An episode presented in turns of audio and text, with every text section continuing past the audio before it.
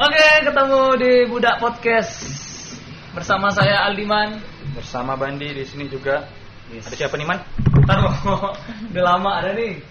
Ini mungkin eh, edisi terakhir bulan berapa ya? Tahun lalu lah pokoknya, tahun 2018. New Year. Januari 19. Oh, selamat tahun baru ya. Telat ya. Satu bulan. Emangnya New Year tuh happy kan? New Year new me. Wih. Positif banget. Nah, sekarang kita dengan tamu siapa nih, Bang? Eh, penulis. Penulis. Penulis. Tai. Autor, autor. Autor. Keren banget, autor. Anak sastra. ya, kita kedatangan Dewi Purnama. Apa nih tepuk-tepuk nih? Ya, Dewi silakan perkenalkan diri loh. Dewi. Apa ambil kopi? Mana Dew? Hai, aku Dewi Purnama. Apalagi ya? Apalagi lah perkenalannya. Kau Dewi Purnama. Ah, nama aku Dewi. Purnama. Ah, aktivitas sehari-hari ngapain? Aktivitas sehari-hari kalau sekarang sih kerja. Terus? eh mau bilang ikut lapakan, lapaknya udah ndak aktif lagi. Kan belum ada pernyataan resmi. Belum ada manifesto. Habis itu kegiatan selain aktivitas kerja di luarnya. Di luar itu dalam waktu dekat ini Ya, terus terus apa dalam waktu dekat ini? Wah, ada rencana ya? Oh, begitu, kita tahan, kita tahan. Nah, Oh. kita tahan. Nah, Ban, salah satu kenapa kita undang Dewi ini kan karena dia tadi kayak udah kau bilang dia tuh autor, autor. Dewi ini pernah nulis sebuah buku yang judulnya ada provokatif dah. Aku demi demi ngobrol sama dia ini aku selesaikan buku ini. Aku belum baca sih. Jadi aku mengalir ya nih. Nah iya, kau ini menimpali ya, bikin-bikin rusuh ya. Jadi Dewi ini pernah mengarang buku judulnya Pelacur itu datang terlambat. Apa alasan dia takut terlambat? Nah, Nah. emangnya ada jam datangnya? Itu dia ya. Tapi sebelumnya aku mau nanya loh Dewi, kau latar belakang kau menulis tuh sejak kapan? Sejak SD. SD. Mm-mm. Nulis cerpen. Eh, kalau SD puisi, Puisi. tapi ndak pernah didokumentasikan sih, cuma catatan-catatan pribadi. Oh, Pakai aku tuh zaman-zaman dulu tuh. Apa nama? Binder. Ah, gitu ya. Pakai gemuk ya? Pakai gemuk ya? Di gemuk. Enggak. ada pink. Pink. Kan bisa tukar-tukaran dulu. Aku. dong, diari aku ungu. Dari kamu Mak Jande. Mak Jande. Eh, tapi itu eh, berarti kau udah punya ketertarikan sama sastra dan menulis ya? Ya. Dari sejak aku nemukan puisi di surat cinta abang aku. Awal mulanya kau ketertarikan sama menulis dan sastra karena surat cinta abang kau. Ah, ah. Oh, tapi selain itu kalau zaman-zaman kecil itu apa sih eh, banyakkan influence atau pengaruh kau dalam penulisan, dalam sastra, Buku paket bahasa Indonesia sih. bahasa Indonesia? Benci aku buku. Iya, Apa? Mau apa tuh? Ini tuh jawabannya tuh pendek. Apa nih jawabannya pendek? Apa pertanyaannya pendek? Ah. Jawabannya tuh BBD tipis ya tuh. Ah, itu PPKN kali. Man. Kalau PPKN kan jawabannya moralis semua. Eh, iya kan membosankan sebenarnya kan. Apa sih yang buat kau jadi tertarik? Kan kalau ya orang pandangan orang awak, umum lah kan. Anggap kalau ya, boring lah istilahnya. Iya. Dia bagi aku eh, kita bisa tertarik ke sastra tuh susah lah. Di bahasa Indonesia kan bahasa SPOK lah, Hmm. apalah. Dan tidak tidak banyak perbendaharaan juga ya yang kita dapat dari pelajaran bahasa Indonesia. Ah, menurut Oke, jadi sebenarnya banyak sih yang melatar belakangi ketertarikannya tuh. Nah, Banyak. salah satunya. Salah yang- satunya tadi yang aku sebutkan itu surat cinta, puisi di surat cinta abang aku. Terus Terus? tanteku juga sering nulis di diary dan aku sering ngobrak-ngabrik diary dia. Terus Tidak hubungannya. Ada bisnisnya. Nah, terus eh, kalau untuk buku paket bahasa Indonesia itu sendiri, ya memang boring sih. Yang nggak bikin boring tuh kan karena di situ ada cerita-ceritanya, ada puisi-puisinya. Nah, itulah yang aku baca. Oh. Oh iya, dan aku juga dulu pembaca komik Apa tuh? Komik apa? apa pun. Aku komik yang pertama kali aku bah anjay. Hentai itu aku tahunya pas SMA. Oh, iya. Oke, terus terus.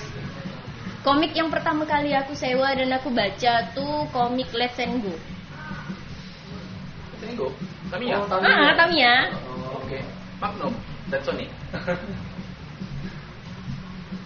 Tapi kan itu bukan bukan tertarik gambar ya, malah tertarik ke cerita jadi. Mm-mm, ke cerita dan gambar juga iya cuma karena aku terus-terusan belajar menggambar dan aku pikir gambar aku ndak berhasil jadi ya udah aku nulis ya Oh. Terus eh, lebih jauh lagi bisa masuk ke dalam dunia kesusastraan. Oh, Baca bakunya itu tahu. kesusastraan Dewi, Dewi ini latar belakang pendidikannya pun ini nih. Halah. Sastra Indonesia. usah ngomongin bahasa baku lah ya Oh, nggak salah lah. Bahasa itu sepuk banget. Justru karena aku selama ini pakai bahasa sehari-hari, aku pengen tahu juga bahasa-bahasa Indonesia yang KBBI. Ya, tapi kok gimana?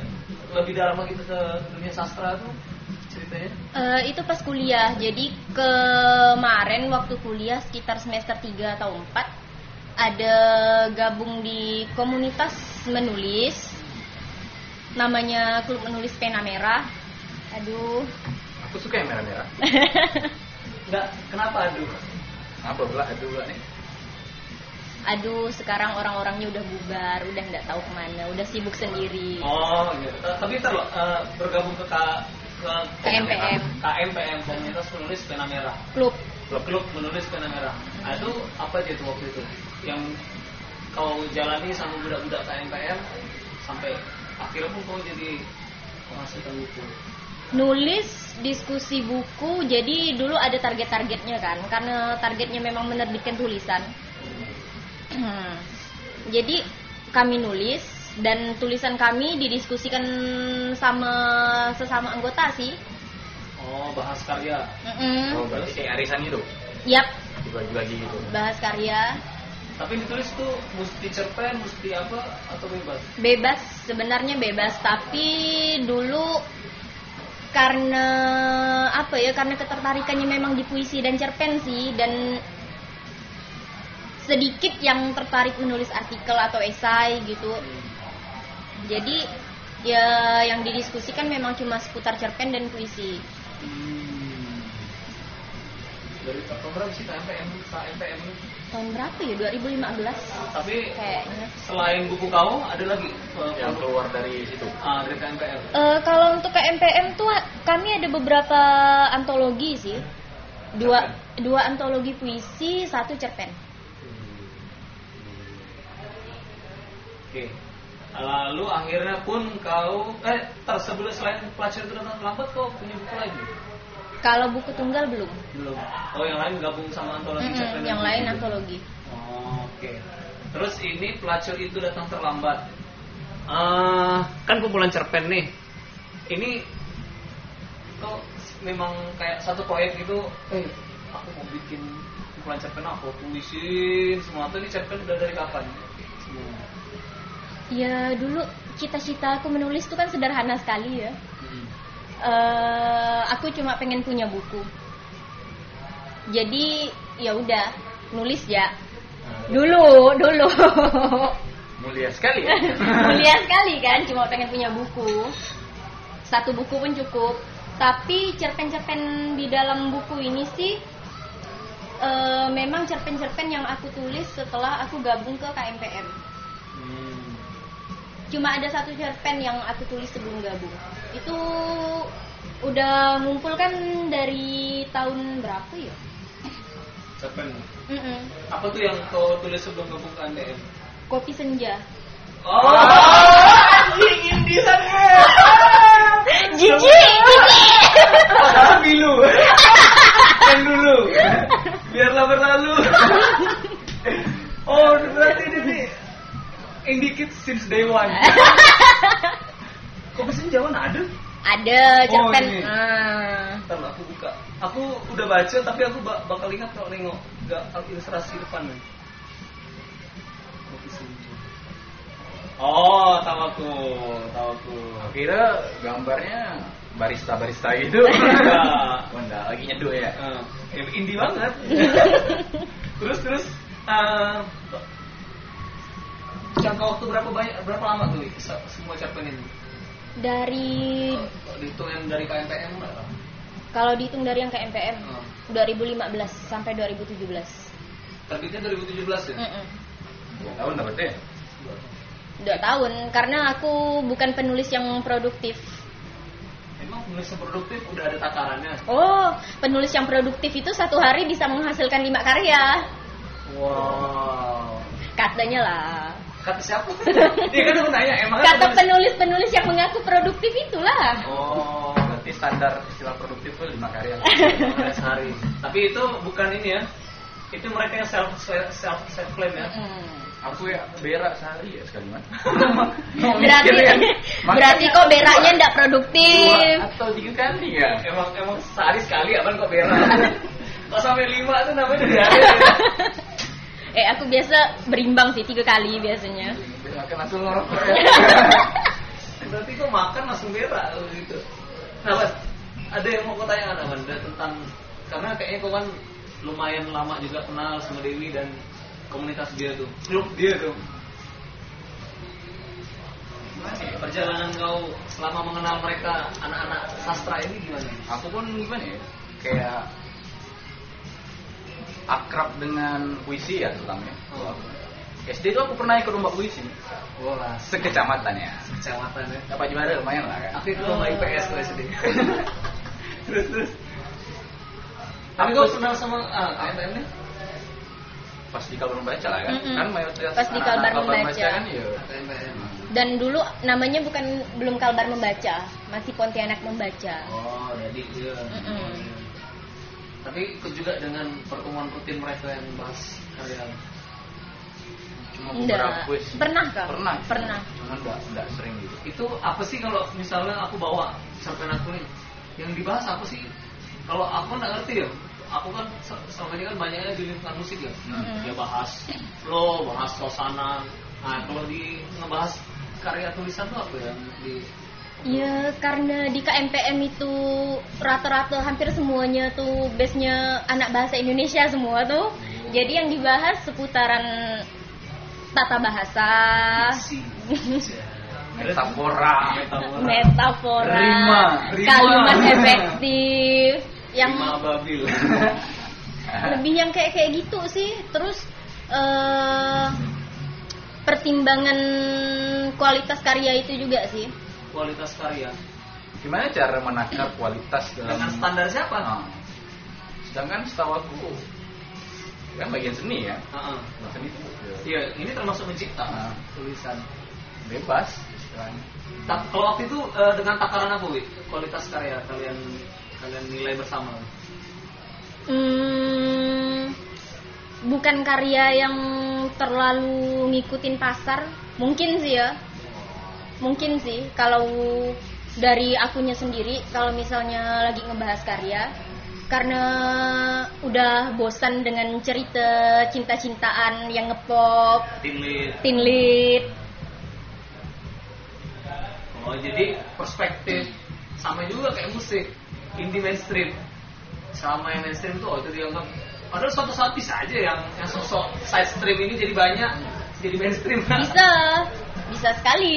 Resis menjadi antiresis. Ah. Jadi ingat ini obrolannya sama Siapa? anak merah tuh. Wow. Dia, dia sekarang di, di warkop nih pasti. Main game. Iya pasti. Ah, revolusioner banget. Warkop Mandar ini pengen nyusul. Tiga jam ada. ya? Oh. Oke, balik ke buku lagi. Ah, kau tapi punya ban buku buku Dewi? Kan ada di perpus. Ada di itu. Ah, ada kau baca baca sedikit. Aku ikut pas ini di bedah ya, bedah buku. Dan orangnya enggak ada. Oh. Pas bedah buku orangnya enggak ada. Kau ada? ada? Ada. Ada kan? Parah. Itu kan aneh kan? Loh, Bedah aku buku nggak orangnya tahu. ada, tapi tetap tuh ini ya undang media. Tapi Iya. waktu itu acaranya emang kurang asik ya. Karena dia tidak ada. Iya, karena Dewi enggak ada. Ada. Tapi ini di launching nggak? Pernah di launching nggak? Secara ofisial. Ah, secara resmi dan kau ada. Pernah ndak ya lupa aku. Lah gimana ini buku siapa sih? Lupa aku serius. Ini kok bayar orang? Kau pikir aku ngerjakan skripsi? 2017 baru 2 tahun loh Wi, masa udah ada Kayaknya September September 2017 Kayaknya kalau secara resmi aku mau bilang nggak pernah. Aku beneran lupa nih sumpah. Aku mau bilang nggak pernah. Nanti aku nggak enak sama kawan-kawan dinggang media. Ternyata Mungkin mereka bilang ah rupanya pernah. Aku rasa mungkin yang pas diskusi mungkin bagiannya Mm-mm. peluncuran ya. Eh, sebagai penerbit mungkin itu udah masuk materi Hmm. promosi mereka. Oke. Nah, eh, kalau bukunya tetap ya. Sebelum nanti kita ada akan bahas hal-hal yang lebih sensitif. Nah, wih, aku kan seumur umur perjalanan menulis aku tuh kalau ini fiksi gak sih? Ini fiksi kan? Fiksi. Nah, aku tuh nggak pernah nulis fiksi, aku banyak nulis esai. Kalau waktu SD pun kan ada tugas mengarang tuh. Hmm. Itu aku nulis bisa dibilang cerpen, tapi itu tuh aku nulis apa yang aku alami jadinya. Uh, perspektifnya aku.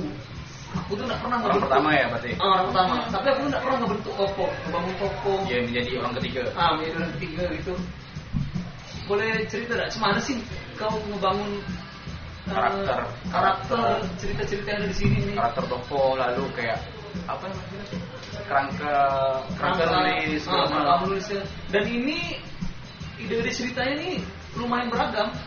Ada yang ayam, mak-mak suka di kandang ayam, kebayangkan? Ada yang pelacur apa mesti mesti ngentot aduh ini tak perlu sensor sensor lah ya Enggak, enggak. mesti ngentot dulu sebelum mati ini kok gimana wi proses kreatif nih proses kreatif kalau untuk bangun karakter ya. Hmm. eh beberapa di dalam cerpen itu memang karakternya hidup.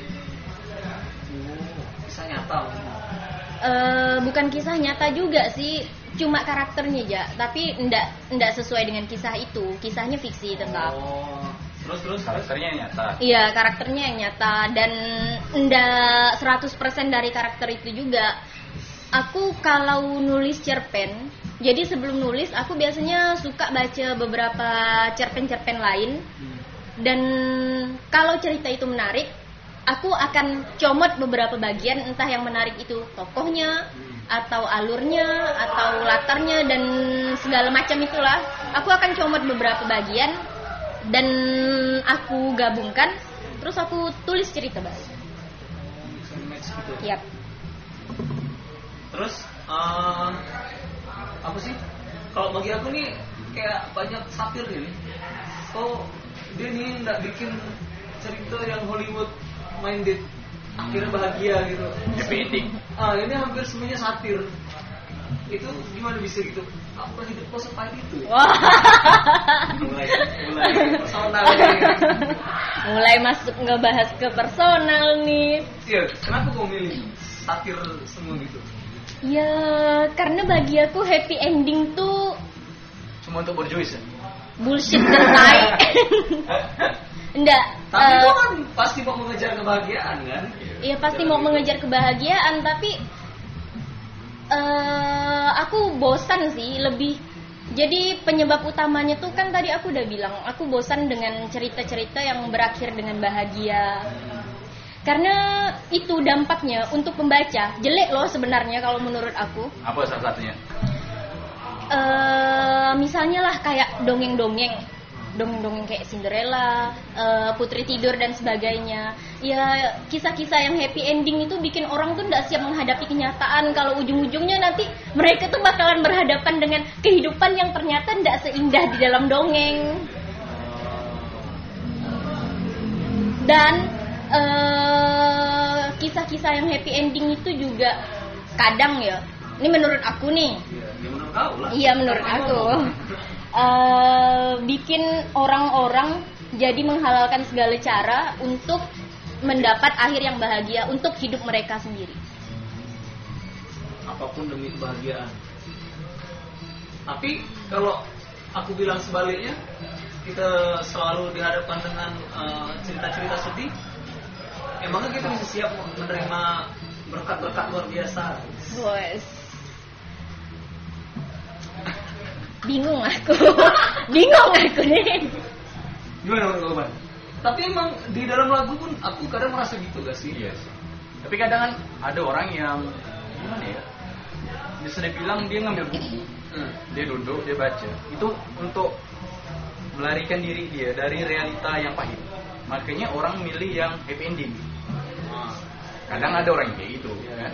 Dia pelarian dia dari kenyataan itu dengan novel yang happy ending. Iya, logikanya ngapain lagi dia bersusah-susah Mm-mm. sama seperti hidup dia yang susah dan, kan? dan aku yakin ini mungkin salah satu uh, buku-buku novel info teen lit segala macam ini yang laris Iya. karena orang-orang Nyatanya hidupnya Ah, susah mereka melari apa nih melarikan diri dari realita itu ya dengan buku-buku yang menyenangkan bagi dia Itulah kenapa sinetron dulu banyak disukai orang gitu. anjing ini kayak kayak apa sih kayak tesisnya Herbert Marcus Iya kan? Itulah kenapa sinetron banyak disukai orang. Iya. Emang nyataannya kita ini semua menyedihkan. tapi bagus Dewi itu jadi orang melarikan melarikan diri dari realita dia coba baca buku Dewi dia mati tinju lagi dari realita realita. Oke oke. Berarti buku aku ini tidak membantu lah ya untuk orang-orang yang sedang ditampar oleh realita gitu ya. Masa masalahnya pertanyaannya emang dia butuh bantuan apa sebenarnya? Nah gitu. Motivasi dong. Kan, Banyak, mahal. tapi aku bukan motivator. Motivasi untuk untuk menjalani kesedihan dengan sepenuh hati. anjing dapatin dia tuh depresi depresi gitu kan Aku Enggak, motiv motivasi untuk meyakini bahwa semua itu akan indah pada waktunya. siap betul. Tapi aku tidak percaya. Semua indah pada waktunya Ya kalau bagi aku emang semuanya bakal bakal bakal datang pada waktunya. Mau mau indah, mau jelek, mau buruk. Coba depan tentang karya-karya Dewi ini. Nih aku, aku bacain ya dari judul dari Nah, judulnya. judulnya ya. Man. Sedap malam cemburu. Wis. Pembaca masalah biasa. Ini kopi senja. Oh biasa. Nah ini pelacur itu datang terlambat. Meong. Hari matinya bapak. Gagal merdeka. Presiden lewat. Sepotong roti dan kata-kata. Oh ini sapir benar nih. Di bawah payung biru. Buaya dalam waduk. Ibu dan ayam-ayamnya. Mama. Tetap menulis. Oh. Oh iya. Yang milih pelacur itu datang terlambat sebagai judul bukunya siapa? Aku. Kenapa? Alasannya? Karena eh, dari awal aku kepikiran untuk menerbitkan sebuah buku, aku ingin pakai judul itu. Biarpun ceritanya belum ada. Berarti- Aku udah, udah aku udah menyiapkan judul loh. Oh berarti kau udah punya ide, sedangkan kau belum menjalankannya. Mm-mm. Kau udah punya ide dulu, gambaran bahwa buku ini bakal kayak gini. Iya. Oh, jadi visionaris nih. cerita pelacur eh, cerpen pelacur itu datang terlambat belum ada. Belum. Tapi udah punya bayangan udah. Iya. Aku udah kebayang untuk menulis cerita tentang seorang pelacur. Ah, kenapa kau tertarik sama pelacur? Kalau dulu aku bilang pelacur tuh paradoks. Kalau dulu Paradoks tuh apa sih? eh, kontradiktif. Oh, ah. Jadi eh, di satu sisi mereka, aku bilang mereka merdeka karena ya mereka merdeka sama tubuhnya. Aku bilang kayak Iya, gitu. iya, iya, terus? Tapi ya di sisi lain mereka merdeka Mereka- karena bebas nge-seks sama siapa aja. Iya, mereka mereka merdeka menggunakan tubuh mereka untuk apa pun, termasuk untuk dijual. Nah, Tapi eh, di sisi lain, ya mereka tidak benar-benar merdeka juga, mereka tertindas juga. Ya, pada, pada akhirnya kan ya pelacur kan ya tetap bekerja. Iya, bisa. Orang yang tidak punya pilihan dalam hidupnya selain menjual. menjual tenaga apa pun yang dia punya untuk Ya sama juga gitu ya orang yang kerja biasa kan cuma beda bagiannya tubuh yang kita jual. Iya. Iya, Yang merdeka tuh berarti bukan pelacur, anak dugem. Karena bisa nge-seks juga sama siapa pun. Bisa mabuk gua, salah gua, bukan bukan Oh, pelacur. itu kan aku mikirinnya dulu sebelum aku ngesek sama siapa pun. Oke, oke. Terus terus eh, tentang pelacur atau terlambat nih, eh, kok ngelihat apa wih? Pelacur itu datang terlambat. eh, itu salah satu cerpen Atau yang atau, atau meriset kehidupan pelacur pelacur? enggak, aku enggak meriset sedalam itu. Hmm. Jadi pelacur itu datang terlambat, tokohnya itu inspirasi hidup. Wah. tokohnya itu hidup ada Oh. dan orang terdekatku Oh, oke. Oke. Dia ini masih melacur. masih Oke. Dan pandangan kau terhadap orang yang ya anggaplah katanya pelacur ya. Hmm. Gimana pandangan kau terhadap eh, pekerjaan ini? terhadap pekerjaannya atau orang ini Orang dan pekerjaannya. Tapi pekerjaan. Kalau terhadap pekerjaannya ya aku tetap tidak setuju dengan praktik prostitusi itu. Kalau untuk pekerjaannya ya, tapi kalau untuk orangnya ya fine ya. Terserah mereka dong. Alasan kau tidak setuju dengan pekerjaannya? Ya itu tadi kalau misalnya apa ya? Sebab orang melacur itu karena apa sih? Karena mereka ndak dapat pekerjaan lain kan, karena keterbatasan lapangan pekerjaan untuk mereka kan. Makanya eh, mereka ndak punya skill, mereka sekolah misalnya, tapi karena perekonomiannya yang Keterbatasan. terbat- keterbatasan ekonomi, perekonomian yang stabil, putus sekolah misalnya, kemudian keterbatasan lapangan pekerjaan merembet, jadi akhirnya mereka tidak punya skill, mereka tidak punya apa-apa yang bisa mereka berikan, akhirnya lapangan pekerjaan untuk mereka pun jadi terbatas, belum lagi eh, permasalahan umur dan sebagainya. Sekarang kan kalau mau cari kerjaan itu kan eh, ada patokan-patokan umurnya ya. Jadi ya aku tidak setuju dengan praktik prostitusi karena itu bagian dari penindasan yang disebabkan oleh kapitalisme. Wah. Penindasan perempuan. Kalau aku sih gimana ya? Aku memandang gimana? seseorang yang menjual dari bagian dirinya ya, Hmm. yang termasuk menjual itu ya bebas murah, nggak masalah. Apalagi Apa pun dengan yang dijual. dengan ya sistem ekonomi yang sekarang kan, Hmm. misalnya kayak gitu. Yang aku tidak terima itu adanya germo. Oh. Oke. Itu yang paling aku tidak terima. Pihak ketiga. Iya. Apa sih? Germo itu cuma outsourcing yang ilegal, Pak istilah kasarnya kayak gitu. Kan? Iya, iya. Cuma itu yang nggak terima. Tapi Pelacur, pelacur pun seharusnya uh, Harus-. Ah. Iya, independen. ini yang membuat membuat serikat. Ya kayak di Amerika itu kan ada Betul. anak-anak ya orang yang pekerja seks itu mereka nggak mau menerima germo, mereka mau klien datang langsung ke dia, hubungi dia, dan uang yang hasil kerja dia itu 100% untuk dia, bukan tanpa ada potongan. Itu yang aku terima. Yang nggak aku terima itu ada germo. Germo itu nggak lebih dari tuan tanah. Betul. Dan pelacurku itu independen loh. Nggak ada germonya loh. Banyak kok pelacur independen yang sama. Dan Tapi aku- yang yang ditindas sama mucikarinya banyak. Lebih banyak dan itu dan itu eh, lebih berbahaya dan lebih mengerikan sekali sih sebenarnya. Iya sih, betul. Dunia pelacuran yang Karena memang banyak kisah nyata juga kan Iya. orang yang uh, taruhlah yang berdikari itu walaupun memang terhimpit kebutuhan ekonomi tapi dia masuk ke pekerjaan ini memang ya udah secara sadar dipilih. Mm-mm. Tapi yang Banyak juga yang- mucikari yang- banyak ya. juga. kan. banyak. Mau nggak mau jadi Iya kayak kayak kan bebas yang bebas itu tanpa germo atau mucikari dia bebas mau satu hari satu klien satu Betul. kadang kan kalau dari germo itu kan harus misalnya tiga satu hari dan ada potongan Ada targetnya, Ada ada target. potongan. itu yang enggak aku terima jadi germo tuh mesti digulak Ya, harusnya berarti bukan Vanessa Angel yang ditangkap kan? Oh, sensor, sensor. udah, udah ngomong yang lain nih. outsourcing aku cari itu Harusnya. Oke, Ban, kayaknya kita udah mulai menjauh dari obrolan buku. Oke. Ya, kita bakal lari ke topik berikutnya. Tapi, wih, aku mau nanya kau, kau suka dengar lagu gak sih? Lumayan, tapi lagu-lagu lagu-lagu aku biasanya lebih ke mainstream sih. ya tahu lah udah, udah nanya lagu Iya. Aku Lumayan. aku dengar 420. Oh. Oh.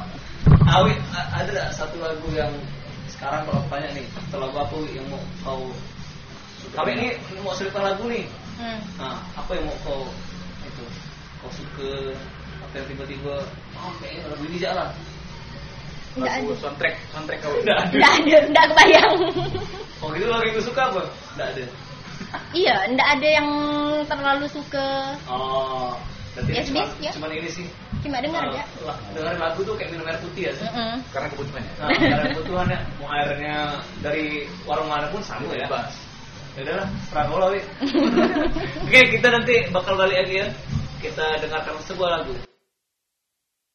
Sajaku adalah kata-kata yang mulainya mengumpul di tenggorokan, lalu dilarikan ketika aku ucapkan. Ini adalah sebuah rindu yang patut dirindu keadaan yang kebetulan. Telah direncanakan. Ia mungkin singgah untuk menorehkan sejarah. Ia bersuara. Ia melampirkan bait-bait menyakitkan untuk mereka. Tikus-tikus berdasi. Tapi itu kala lampau. Rinduku ini seakan bertanya, di mana dapat kutemukan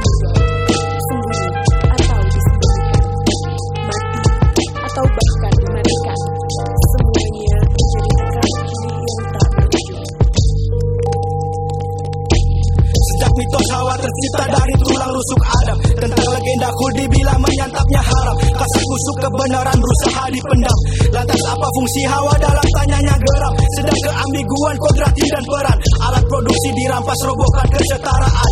Singkirkan partisipasi hilangkan pekerjaan. Hawa bukan sarana pelampias hasrat reproduksi. Konstruksi kecantikan visi ala baby. Paksakan ketergantungan perihal ekonomi. Pelabelan ketidakmandirian merawat diri. Cukup urusi rumah tangga sebagai produsen ASI.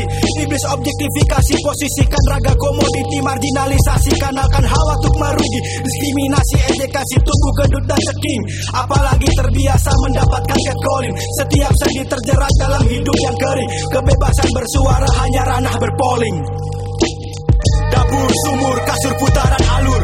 Patriarkal mengempur sisakan belur. Kungkungan macoisme mengguyur subur. Satukan kekuatan siap tuh pukul mundur.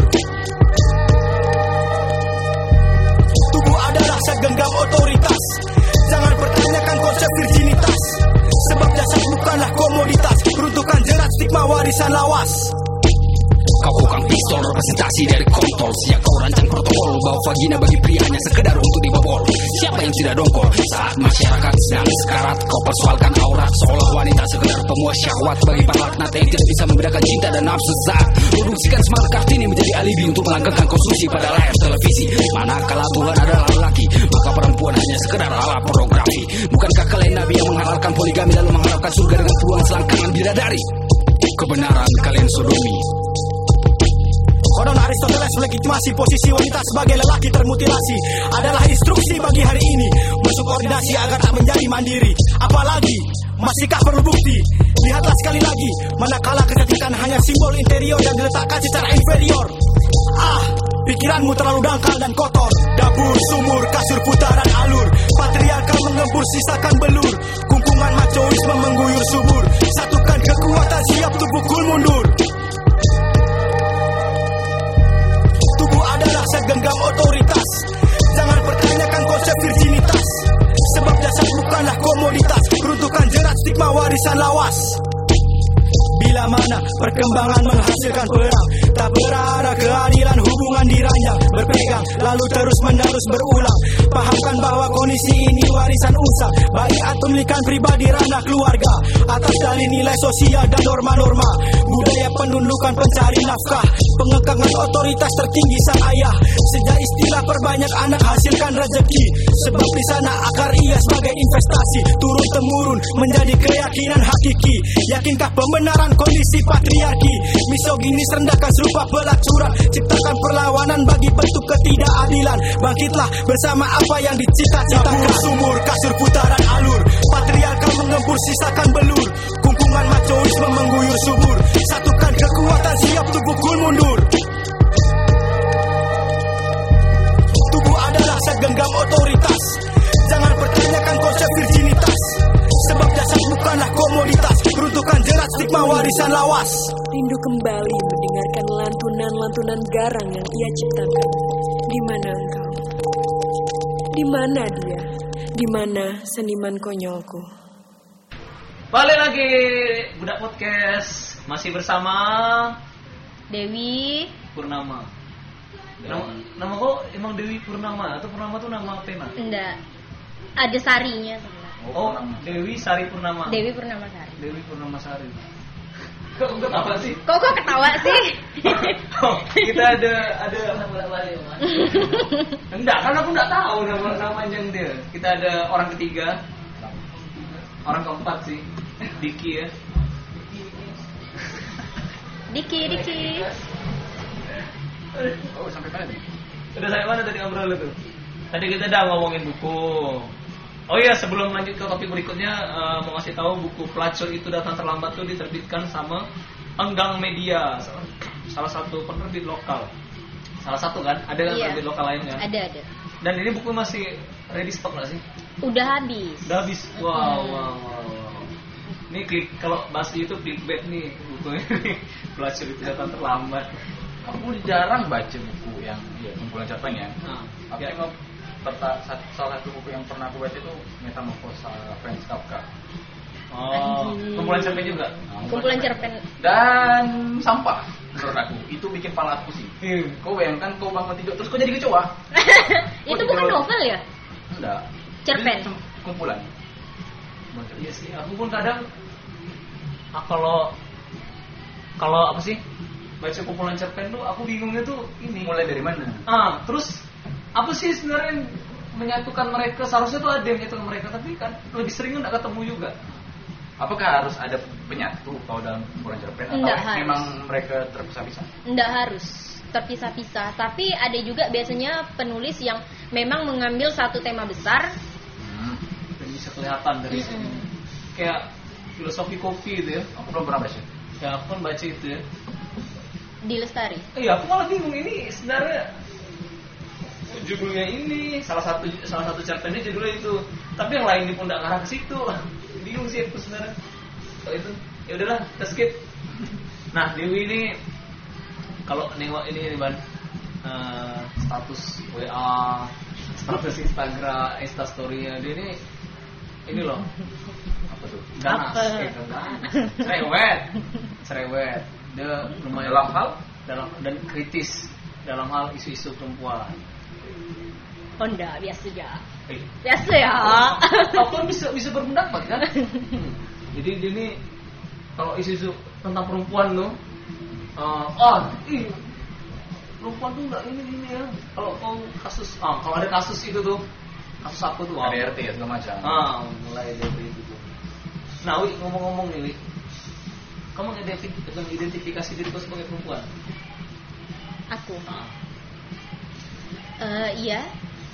dengan dasar Jangan jawab kelamin, tinju.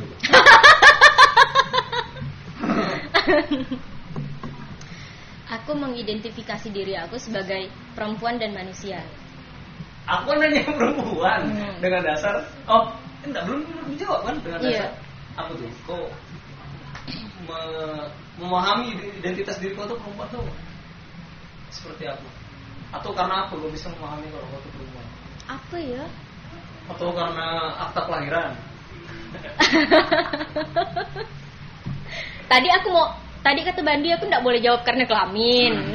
jadi dia nggak bakal juga juga sih santai ya. Sejak kapan sih kayak kau mulai sadar dengan masalah-masalah perempuan dalam isu sosial ya? Iya. Apakah eh tak tak Ban. apa? kalau bagi aku sejak kapan sih kau memahami kok diri kau tuh perempuan Nah, karena bagi aku ya mungkin kau dan aku atau Diki pun eh, peduli juga dengan masalah itu tapi aku tidak mengidentifikasi, mengidentifikasi diri aku sebagai perempuan nah kalau kau ketika kapan Dari kecil sih. dari kecil kau secara sadar Ya? Dari kecil karena memang di apa ya di lingkungan di keluarga kan dibangun kesadaran seperti itu. Ya aku ini belum bisa melepaskan diri sepenuhnya juga bah Ya, kalau lepaskan diri terus kau mengidentifikasi diri sebagai apa? Ya udahlah berarti emang begitu kali ya? Lalu tadi pertanyaan aku tuh, nah. Apa ulang lagi lah lupa sejak kapan lo uh, punya kesadaran dengan mulai mulai peka uh, dengan isu-isu perempuan dalam isu sosial gitu.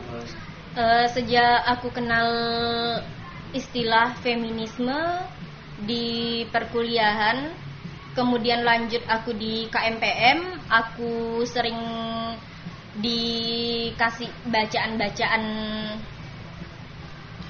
ya bacaan-bacaan yang bukan tinlit lagi, eh, bukan novel-novel ya? Udah serius. Sejak itu, tapi kalau untuk peduli ke kasus-kasus tentang perempuan itu sendiri sih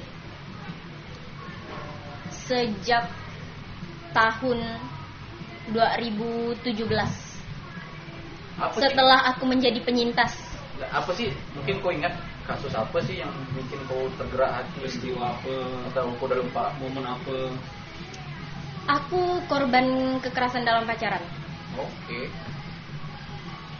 Dan aku juga penyintas KTD udah ngerti kehamilan tidak direncanakan. Oke oke oke. Nah semenjak saat itu berarti kau eh, karena ada perspektif korban berarti kan, Mhm. jadi punya kesadaran yang sama dengan orang lain pun yang merasakan eh, Iya. penderitaan yang sama. Eh, kalau kayak tadi kau ada menyebut bacaan, apa tuh yang memantik kesadaran-kesadaran kayak gitu? yang aku ingat gak ya Ya iyalah. Eh, Dari du- 2000 berapa tadi bilang? 2017. 17. Dua tahun ya udah banyak lah listnya. Yang ingat ya. cerpen yang paling aku ingat sih cerpen-cerpennya Jenar Maesa Ayu itu eh, ketika baca cerpen sebelum kemudian sering baca-baca esai Ah. waktu itu aku belum sering baca esai Oh, oh saya tentang eh, perempuan. perempuan. Mm-mm. Tapi banyak sebenarnya eh, literatur-literatur yang yang bisa membawa orang-orang ke arah isu itu. Banyak banyak sekali. Tapi kalau untuk akunya sendiri sih yang pernah aku baca belum sebanyak itu.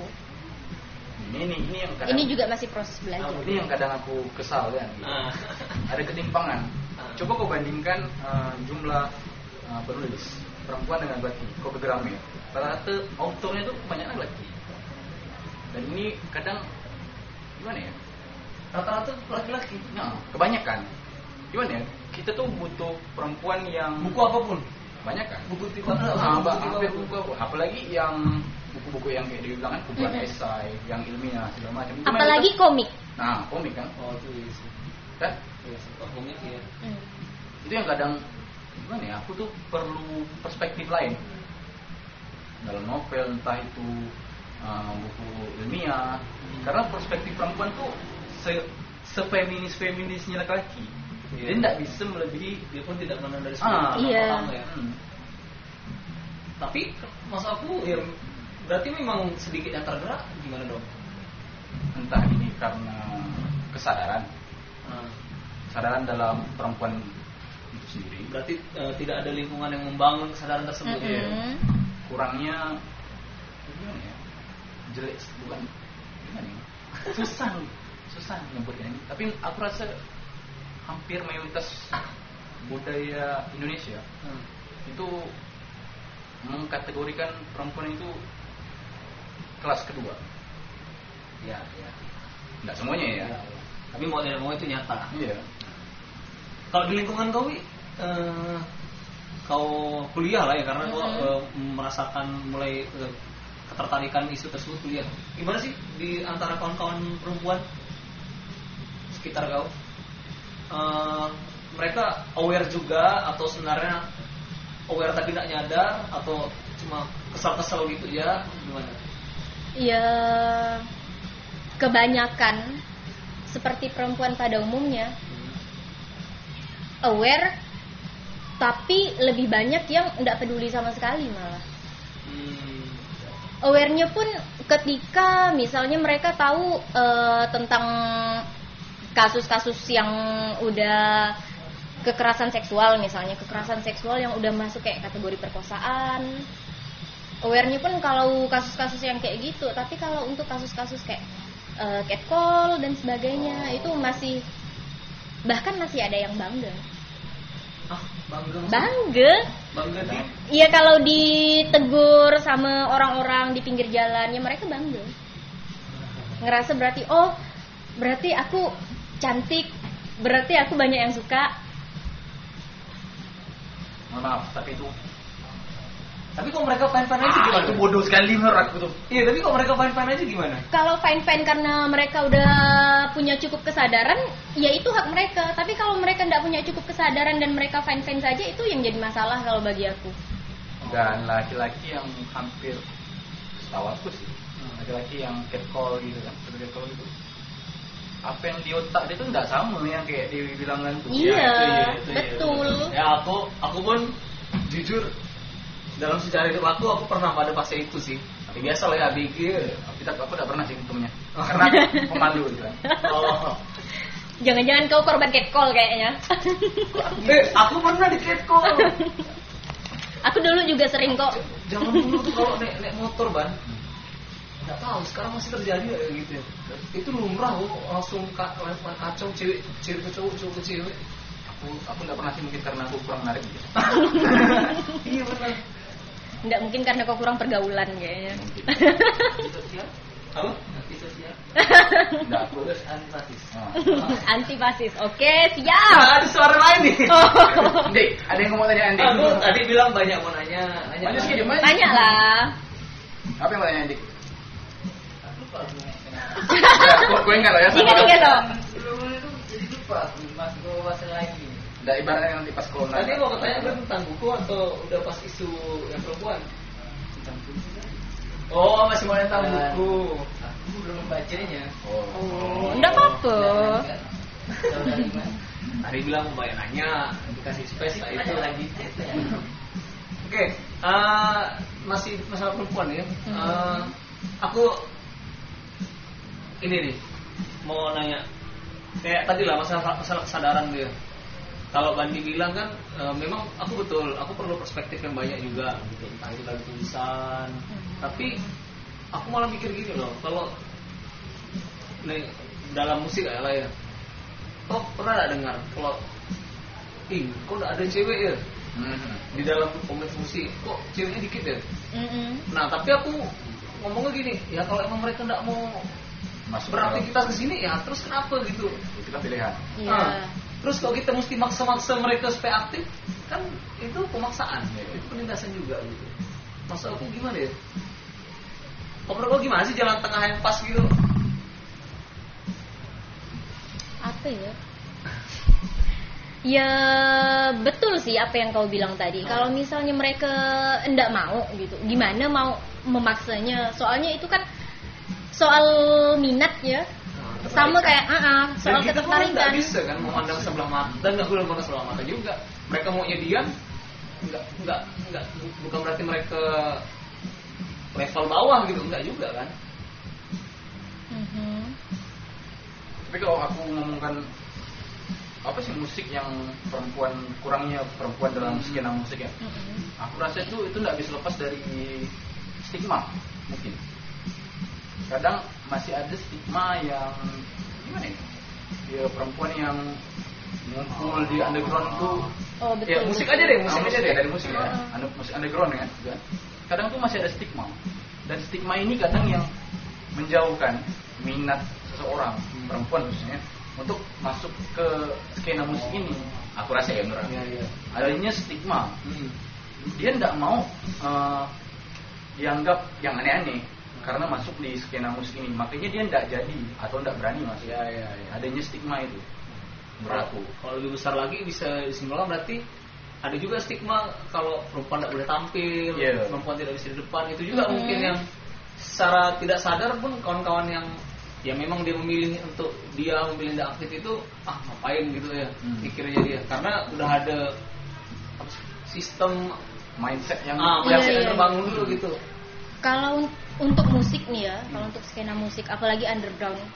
Kalau ngomong underground sendiri, itu aja udah kena stigma kan?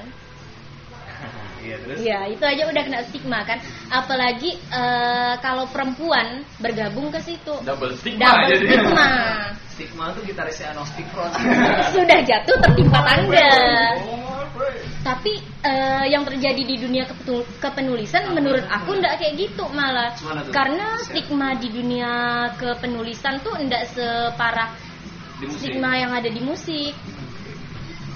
Tapi eh, secara literasi ya mungkin secara Mm-mm. literasi, perempuan lebih banyak. Iya, sebenarnya penulis-penulis perempuan itu banyak, apalagi di Kalimantan Barat. Cuma mungkin ya, kalau menurut aku, yang menyuarakan soal isu-isu perempuan itu sendiri yang sangat-sangat kurang. Yang bicara dari perspektif perempuan itu sendiri yang sangat-sangat kurang. Adapun, kalaupun ada, ya apa yang mereka bicarakan cuma seputar kegalauan-kegalauan perempuan. Balik ke Tindit lagi ya. Iya. siap dihalalin gitu ya. Hmm. Benci aku istilahnya. udah udah putusin aja Siang. Iya, aku gimana ya? Aku nengok gitu, aku aku sebenarnya nggak komen sih. Nggak, nggak ada nggak ada topik lain tuh mbak gitu. Dia tuh kayak cuma cap gitu ya, dicap bayar untuk menguruskan lalu dicap gitu. Iya kan banyak sih kalau nengok gitu kegalauannya tuh masalah iya aku belum belum didatangi untuk menjadi pasangan gitu. aku dulu awal-awal belajar feminisme. Aku jijik loh lihat perempuan-perempuan yang pasang status kayak gitu. Jijik serius. Tapi kalau Dulu? ya dulu. Terus? tapi kalau sekarang eh, udah lebih apa ya? Kayak mikir oh oke mungkin karena mereka juga belum punya kesadaran yang cukup belum teredukasi dengan baik. Iya, ya itu yang seharusnya. Kita harusnya tidak cuma ngejudge mereka, Mm-mm. tapi mereka kita rangkul dan Dan kita, kita pun berarti mesti sadar juga permasalahan sesungguhnya itu apa? itu Berarti uh, konstruksi pendidikan kita Hmm. oh itu budaya, budaya, budaya. cukup mengarahkan ke situ. Nah, ini dia kan pendidik juga nih. Nah. Wih, Cikgu, cikgu. dia pernah ngajar di depan SD depan rumah. baru aku mau ngomong Apa kamu apa emangnya? Dia pernah ngajar di, Itu di depan tadi. rumahku. Aku pernah ngajar di SD lama? depan rumah dia, satu semester. Oh, eh, ngajar SD. Mm-mm. Kelas 2. Kalau eh, terus dua Iya, kelas 2. Apa sih yang kau apa sih yang kau dapatkan buka? Apa? Bagi aku apa sih yang kau ajar yang kau ajarin ke anak sekecil itu? Selain textbook ya. enggak apa sih namanya Ma- eh, rencana ajar tuh? RPP. Ah, selain selain berbasis selain sesuai RPP apa sih, Wi? Ya yang benar-benar bisa aku ajarkan tentang mereka cuma menghormati keberagaman. Dan itu pun sulit karena di sekolah itu Nggak beragam. Tahu. beragam. Karena di sekolah itu nggak beragam. Enggak. Sekolah Itu negeri. sekolah negeri, tapi mereka Ya, cenderung cenderung nih ya, cenderung menolak yang eh, non. Non muslim. Hmm. Cenderung menolak yang non satu. Karena muslim. situ mayoritas daerah aku kan ya mayoritas muslim. Dan aku ngeri sekali ngelihat anak-anak kelas 2 SD Hmm. itu udah bisa eh, melontarkan omongan-omongan kayak Cina tuh ini ini ini omongan-omongan rasis kayak gitu aku ngeri kasual sekali rasisme. iya nah yang satu-satunya hal yang kemarin bisa aku berikan sama mereka bisa aku ajarkan itu cuma gimana caranya biar mereka bisa menghormati keberagaman gimana caranya biar mereka bisa berbaur dan tidak memilih teman laki-laki dan perempuan eh itu anjir soal anak kelas 2 SD ada soal bunyinya kayak gini Eh, mencuci piring adalah tugas A ibu B ayah Apa? Ah, Ibu? A ibu, B ayah dan pilihan-pilihan lainnya itu dan mereka pasti akan menghilang yang ibu. C pembantu rumah tangga. Berarti Anak cuma kelas 2 SD. ya strukturalis ya, udah struktur. Iya. banget ya. Dan itu udah udah Aku budaya. nggak ingat aku pernah menemukan soal kayak gitu. Dan kemarin eh, di salah satu grup yang aware sama isu-isu perempuan itu juga ada ngeposting soal dalam buku pendidikan agama yang bunyinya kayak gini eh, agar tidak mengalami pelecehan atau agar tidak diperkosa perempuan harus A menutup aurat B dan bla bla bla bla bla bla bla Itu tapi mata pelajaran apa? agama. Tapi Nah, kalau kita ngomongkan dari soal tadi ya, Mm-mm. yang antara menutup aurat agar tidak di Mm-mm. dilecehkan segala macam. Apa sih pendapatku tentang Itu tai. Enggak, enggak, yang yang yang lebih panjang lah itu. Aku tuh tahu itu apa gitu. kan. Iya, padahal aduh. ya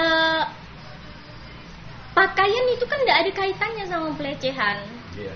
Iya kan? Iya, iya. Betul kan? Boleh, boleh dan boleh dicek juga kampus-kampus. Kawan-kawan kita yang tertutup sekalipun Pernah. juga. Iya. Yang pernah. Boleh dicek. terutama catcall. Catcall itu eh, hampir semua perempuan pernah mengalami catcall. Iya. Baik itu yang menutup aurat, baik yang tidak menutup aurat, bahkan udah eh, menutup auratnya udah istilahnya hampir sempurna pun mereka masih kena catcall.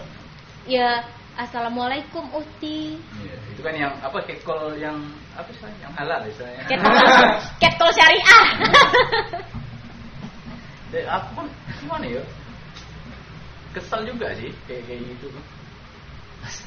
Gimana ya? Dia dia seakan membela kau tuh yang salah. Padahal dia yang salah. Betul, Dia- dia- itu dia itu victim blaming. Dan yang tidak mereka sadari sebenarnya eh, ini bakalan jauh ke belakang lagi nanti kalau kita mau cari akar permasalahannya. Hmm. Soalnya kayak mereka bilang ya perempuan yang salah. Perempuan yang tidak menutup aurat makanya kena catcall. Terus kalau misalnya ada kasus perempuan yang udah menutup aurat dan dia masih kena catcall, nanti pembelaannya yang udah menutup aurat aja masih, apalagi yang enggak. Lalu solusinya kayak gimana? Ya menikah lah biar ada yang jagain.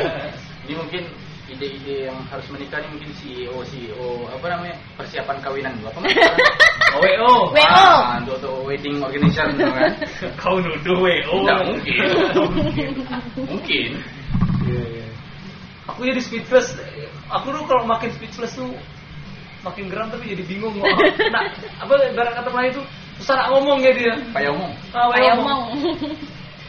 Susah sih. Dan itu aku dapat cerita dari kawan aku juga loh. Kawan aku ya udah udah berjilbab gitu kan. Tetap juga dosen bilang, ih geram aku sama wanita. Aku bilang, iya. Tinju biji pelera ya, itu menurut aku lah. Kalau masalah bro, betul betul. kalau emang mau ngomong perspektif agama gitu, enggak ke menjaga nafsu itu juga Tugas laki-laki. poin penting Iya, kan. individu. Kalau Iya. memang kau tetap Berarti terus- kau yang terusan, kau yang tak kau yang salah. Iya, berarti kau yang kalah sama yang kau yang lemah gitu loh. Bukan Nah, gimana ya kalau ngomongkan gitu kan? Gimana kalau kau tinggal di suatu tempat yang budayanya penuh pakaian terbuka? Iya. Apakah kau bakal Sange ngaceng, terus. sange, Mampus lah itu. Nah, itu kan. Sange everyday ya. Mampus lah. itu. Lalu lalu kemudian nyalakan Karena cuma itu dosa. Ya, bagian dari Greget. Cuma itu dulu saya katanya. Nah, itu ya? Absurd Mati sekali. Contoh kayak hmm, lalu nyalakan eh, mengkambing hitamkan ya? Iya dikit. eh, film porno kan Ah. ini kan Hmm. salah satu alasannya Hmm. Al- alasan dan pintas mereka Iya, iya, iya. menyalakan film porno lalu itu blok sebanyak banyaknya kan kalau kita mikir kayak itu kan di Jepang bokep legal Iya. kan walaupun sensor ya tapi legal kan Iya. Ada regulasi khusus lah. ada regulasinya kan apakah di sana banyak sebanyak Indonesia kasus pelecehan seksual Enggak. enggak juga Enggak. kan juga. Belum eh, nggak ada lah yang apa yang sampai penelitian mengatakan seperti itu. Iya, enggak ada kan. Berarti emang otak kepalanya yang buruk. Walaupun mereka punya genre khusus yang Iya, rap kan, rap gitu kan, yang fetish fetishnya nih. kan. Iya iya. Ada khusus. Ada yang fetisnya ketika ngelihat mata cewek yang bercadar. Iya. Iya. Itu kan Susah. Ini kalau kalau masalah itu mana ya? Dark web mungkin ya, maksudnya kayak Reddit segala macam itu. Itu ada subreddit yang khusus posting kaki. Cuma kaki. Enggak ada muka. Itu orang yang fetishnya Oh cuma sama iya, kaki. betul betul. Ada pernah yang cerita. Itu fetishnya cuma sama kaki. Ada yang cuma telinga, ada yang rambut. Dan ini orang beda-beda. Ya mereka ruang lingkup eh, konsumsinya udah di situ aja. Iya, di situ aja enggak diterapkannya di kehidupannya. Kalau gitu. payah nih payah. Dan itu ya personal sih. Siapa sih yang bisa ngatur isi kepala orang gitu kan? Iya. Yang jadi masalah kan ketika itu udah diwujudkan dalam Kau tindakan. Kau bentukkan dalam tindakan. Itu kan ada pihak yang dirugikan masalahnya. Jelas. Nah, eh, kalau itu sih kalau kita mau ngabsenin sebanyak-banyaknya yang bikin kita kesel sih nggak habis-habis jadi Oh, ini, jelas. ini cuma cuma isinya sebel lah isinya podcast ini jadinya. Kesel Nah, tuh. Kalau tentang feminisme nih, was. Eh, secara personal lo, apa sih eh, definisi sederhananya? Ya, feminisme itu gerakan kesetaraan gender untuk semua, bukan hanya untuk perempuan, membela hak hak minoritas. Ya, kalau menurut aku feminisme itu adalah yang akan membebaskan kita dari em, apa ya? Dominasi? Berarti itu eh, secara tidak langsung, ya secara langsung memang eh, bermanfaat bukan hanya bertujuan untuk perempuan doang, untuk semua umat manusia berarti. Iya. Dan itu kan yang paling sering disalahartikan sama orang-orang yang anti feminis. Hmm. Oh ini perempuan nih mau Iya. sendiri. Ini untuk membela perempuan. Eh, lalu juga kebanyakan orang-orang yang baru mempelajari feminisme itu mereka tidak bisa membedakan yang mana feminisme, yang mana matriarki. Termasuklah eh, orang-orang birokrasi yang baru belajar tentang pengaruh utamaan gender. Hmm. Ya mereka Oh, utamaan. pengaruh utamaan gender itu ada materinya untuk eh, orang-orang yang khusus nanganin isu-isu perempuan, isu-isu Oh. anak Oh. yang kayak gitu. Hmm, mereka terkesan ingin punya status dan derajat yang lebih tinggi daripada laki-laki. Feminazi. Oh. Itu itu ya kediktatoran feminisme kayak ada kedik- kediktatoran orang kediktatoran feminisme Ya tapi justru jadi oksimoron ya kayak gue bilang gitu ya. Dia mau menghancurkan ketidakadilan laki-laki, tapi dia Mhm. mau mau mendominasi laki-laki itu sendiri. iya counterback Hmm. Karena em, mungkin edukasinya belum nyampe sih. Kalau menurut aku edukasinya yang belum nyampe bahwa feminisme itu gerakan kesetaraan Atau bukan watak- gerakan dominasi perempuan. Atau watak dia sebenarnya penindas saya. Bisa ja- bisa jadi juga atau karena mereka merasa udah terlalu capek ditindas mungkin sebagai Oh, perempuan. Iya. Bisa juga tuh. Mm-mm. ada ada apa sisi psikologis kayak gitu juga. Nah bisa bisa tapi eh, banyak tuh ya kayak gitu ya yang punya mindset seperti itu banyak sekali mengerikan Tapi tidak semengerikan yang yang orang sebelumnya sih gitu dong Muhammad. Iya, kasus yang permasalahan tadi sih. Nah, berarti kan dalam gerakan feminisme sendiri tuh Banyak varian. selain banyak varian sebenarnya terlalu banyak apa sih aku istilahnya Segmentasi. terlalu banyak pergesekan juga ujung-ujungnya. Iya. Segmentasi itu oke, maksudnya orang orang pasti punya eh, fokus gerak di mana di mana di mana. Mhm. Tapi ini bagi aku malah pergesekan yang aku temui gitu loh. Kalau dari yang kau lihat cuman Wi? kalau untuk pergesekan itu kan yang paling parah liberal sama radikal ya Hmm. yang berbenturan sekali pandangannya Iya. Radikal itu kayak gimana? Kalau radikal itu kan eh, lebih bicara tentang perbedaan antara laki-laki dan perempuan tuh. Kalau liberal itu kan lebih ingin menyamakan, Ya, ya. menyamakan laki-laki dan perempuan. Hak bersuara, hak memutuskan. Da- jadi eh, se sepengetahuan aku ya nih ya. Hmm. Ya iya, sepengetahuan kau lah. Orang kau yang ngomong. Kayak-. Kayak mm, misalnya perempuan itu juga harus rasional. Ya semua orang harus rasional. perempuan itu juga harus rasional tapi eh, dalam artian bahwa rasional ini sebenarnya milik laki-laki loh. Kan ada stereotip yang seperti itu. Ada stereotip yang seperti itu. Bukan aku yang mengatakan. Aku juga menolak itu. Ini, jadi ini, ini eh, konteks yang omongkan ini pergesekan antara radikal dan liberal tadi ya? iya karena eh, aku kan juga meneliti tuh kemarin soal indikator maskulinitas. Hmm. jadi maskulinitas itu kan ada indikator-indikatornya. Salah satunya itu rasional. Dikatakan di situ kalau indikator maskulinitas itu rasional. Nah jadi eh, feminis liberal itu ban- lebih banyak beranggapan kalau perempuan ingin setara dengan laki-laki maka perempuan harus eh, membunuh sifat emosionalnya dan dia harus menjadi rasional seperti laki-laki. Mereka harus masuk ke dunia maskulin. Lebih seperti itu. Ya? Laki, emangnya laki-laki tidak punya perasaan? Iya.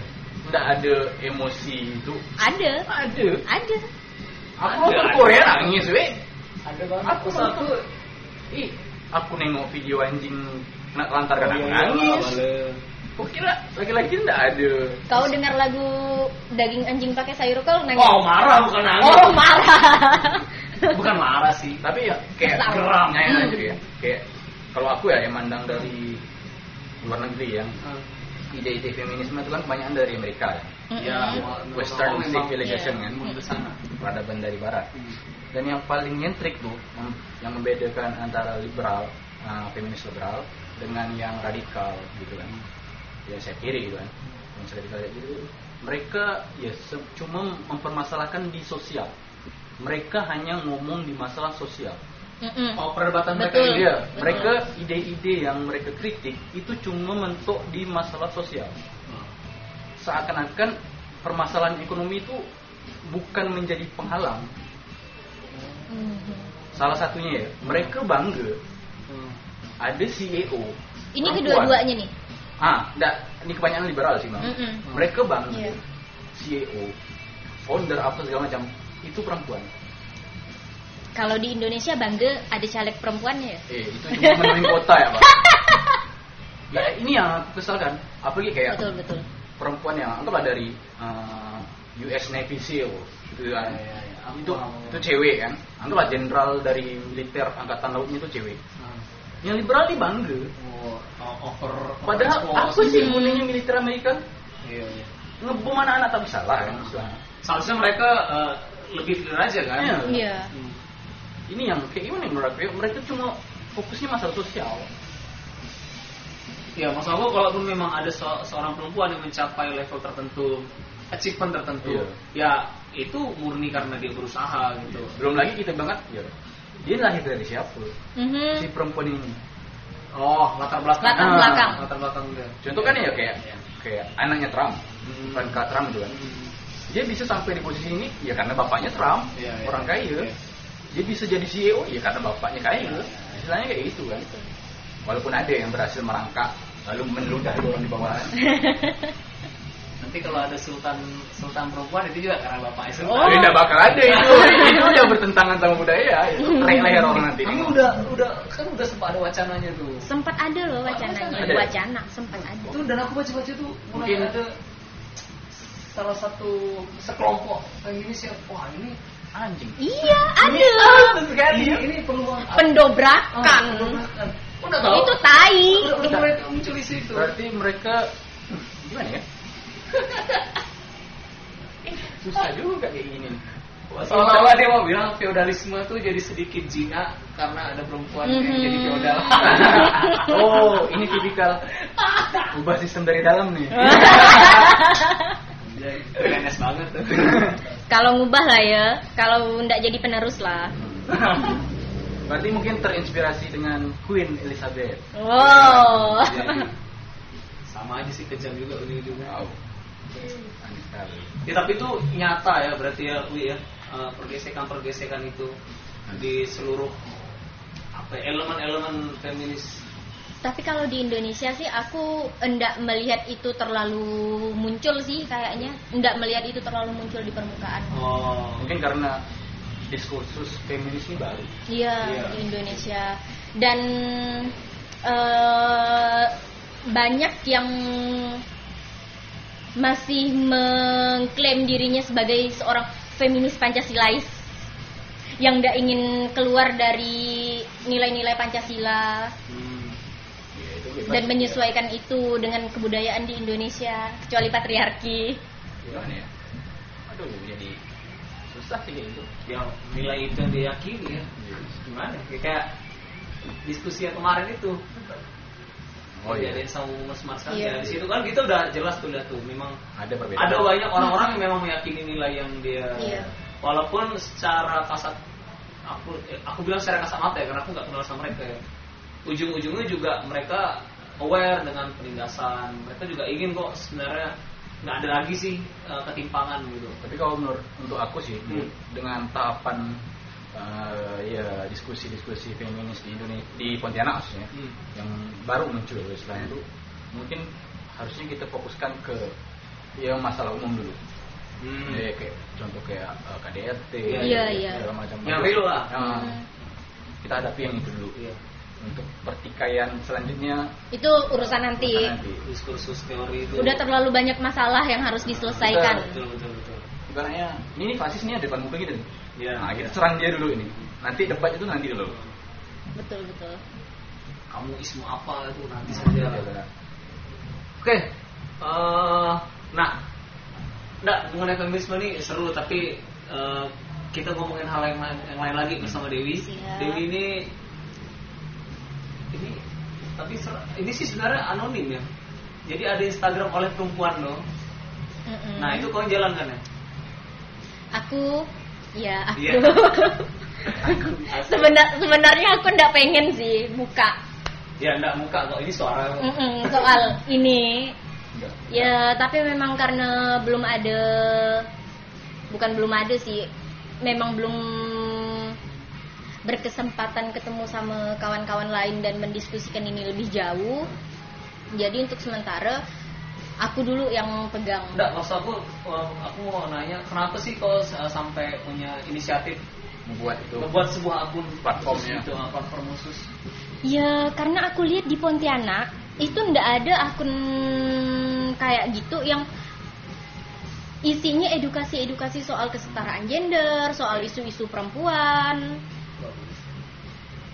Dan lihatlah orang-orang di Pontianak nih bahkan mungkin kayak kasus-kasus pelecehan yang kategorinya ringan lah masih ya. Mereka ndak sadar sama hal kayak gitu. Misalnya kayak catcall tadi yang aku bilang. Oke, berarti inti dari oleh perempuan ini eh, edukasi dasar. Mm-mm. Dasar edukasi dasar. Eh, dalam lingkup Pontianak atau kau cuman pengen muncul ini dari Pontianak nih minimal budak-budak Pontianak bakal ngarah ke akun oleh perempuan dan mulai dapat eh, informasi-informasi dari Pontianak dan Kalimantan Barat sendiri sih. oh, Fokusnya itu. ya. berarti lah tujuannya bagus kok kan nah, ngapain ditutupi orang orang tahu itu kau atau bukan Dewi ini mulia sekali ya. Dia pertama cikgu jadi ini ya, dia tetap dia tetap konsen sama pendidikan Oh, aku akan tetap konsen sama pendidikan, Oh. tapi tidak di eh, tidak ya mesti di ruang Tidak formal. tidak formal. Tidak mesti formal. Oke oke. Aku Ah, tapi waktu kau ngajar SD tuh ada yang lihat nggak pelecehan secara Langsung dulu. ada, ada. Apa tuh? Eh, Sesama siswa, siswa. iya sesama siswa. Ada siswa aku yang cium kawannya, cowok cium cewek. Oh, sama cowok. Ya ndak masalah juga sih kalau sama cowok asal Nggak ada konteksnya tadi loh. konteksnya. Iya. Iya dan dia mencium tanpa meminta izin terlebih dahulu. Iya, iya,